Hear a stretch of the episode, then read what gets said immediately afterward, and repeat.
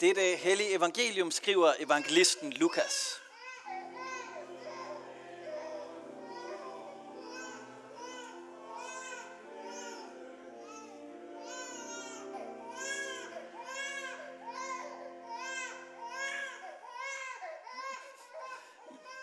Jesus sagde, der var en rig mand, som klædte sig i purpur og fint linned, og hver dag levede i fest og pragt.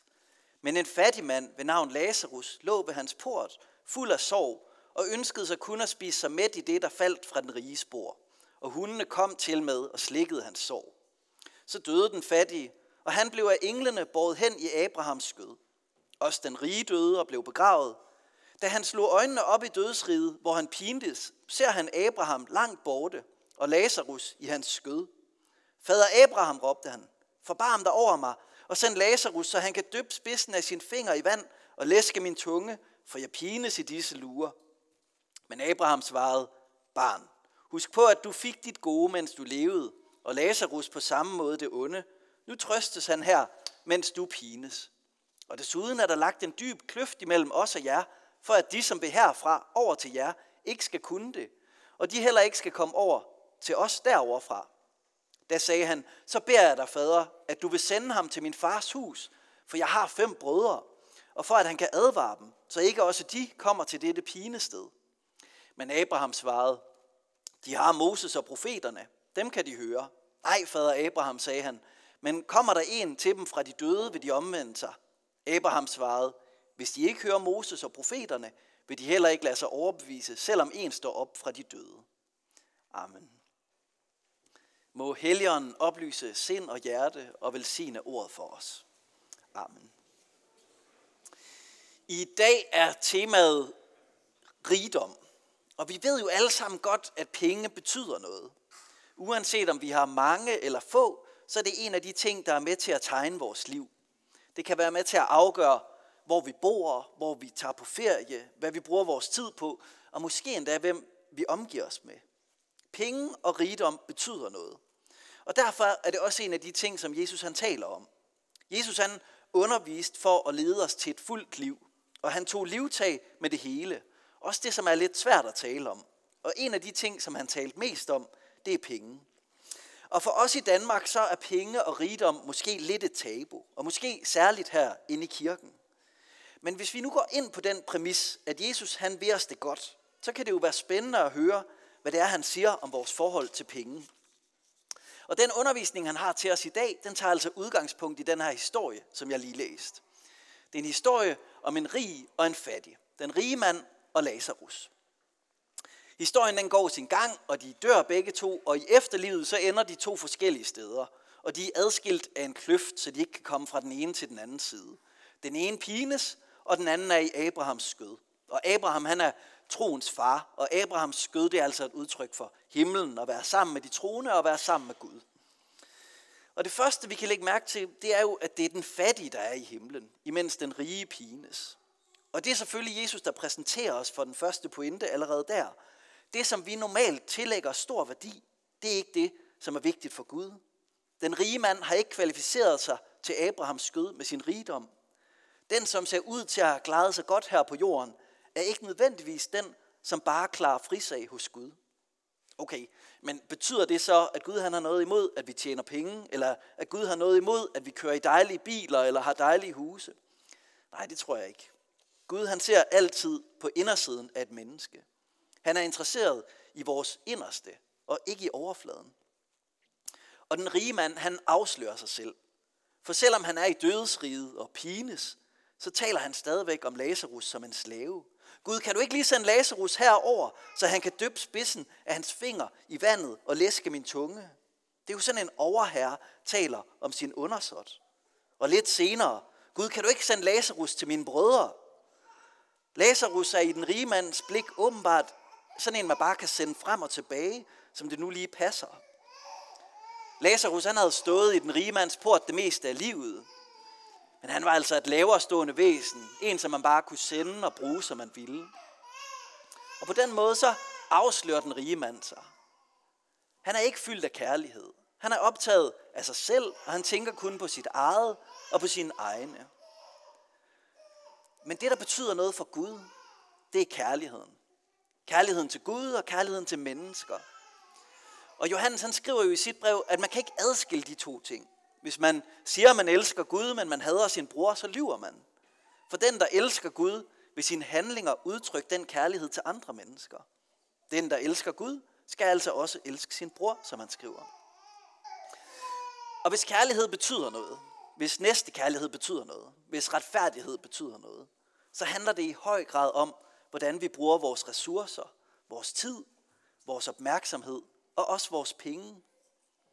Og det, som Jesus han peger på i dag med den her provokerende historie, det er jo, at vi hurtigt bliver reddet med. Vi bliver... Hov, hvor var min tråd den her?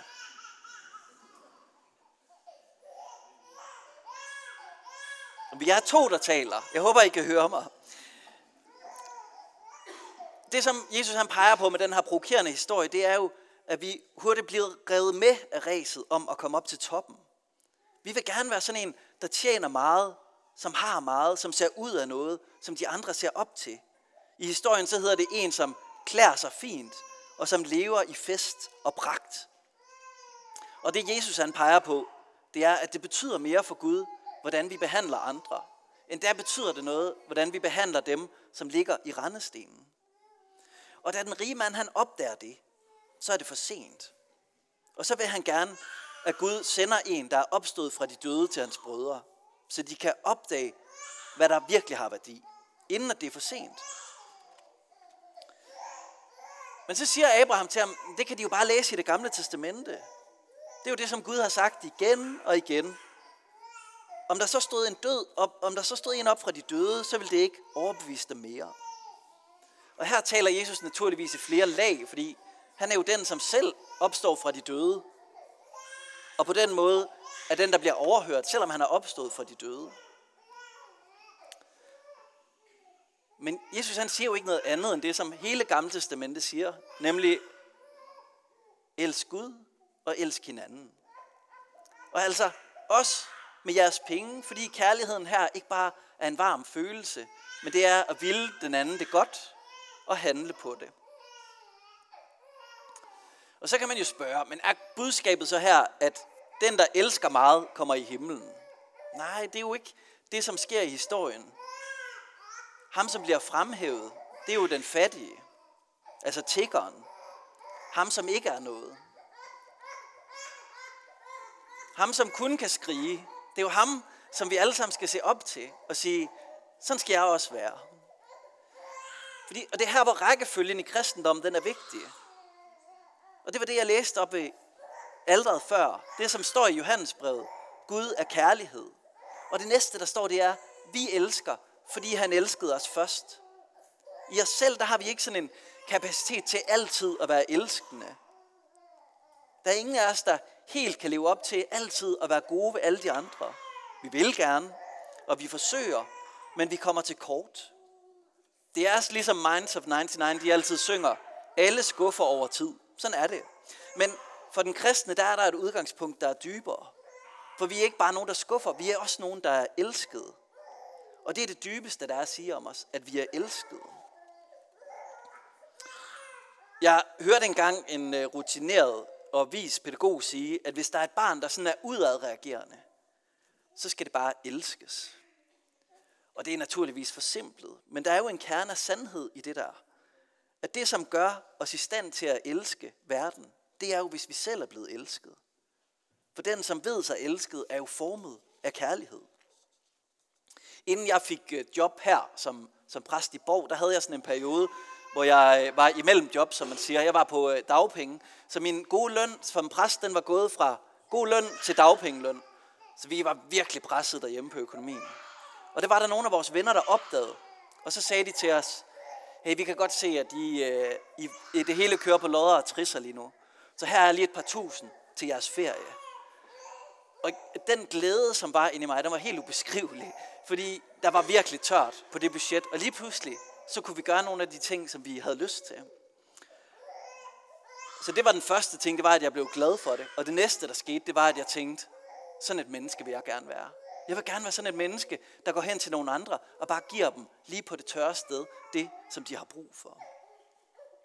For det gør noget ved os at opleve andres kærlighed og omsorg.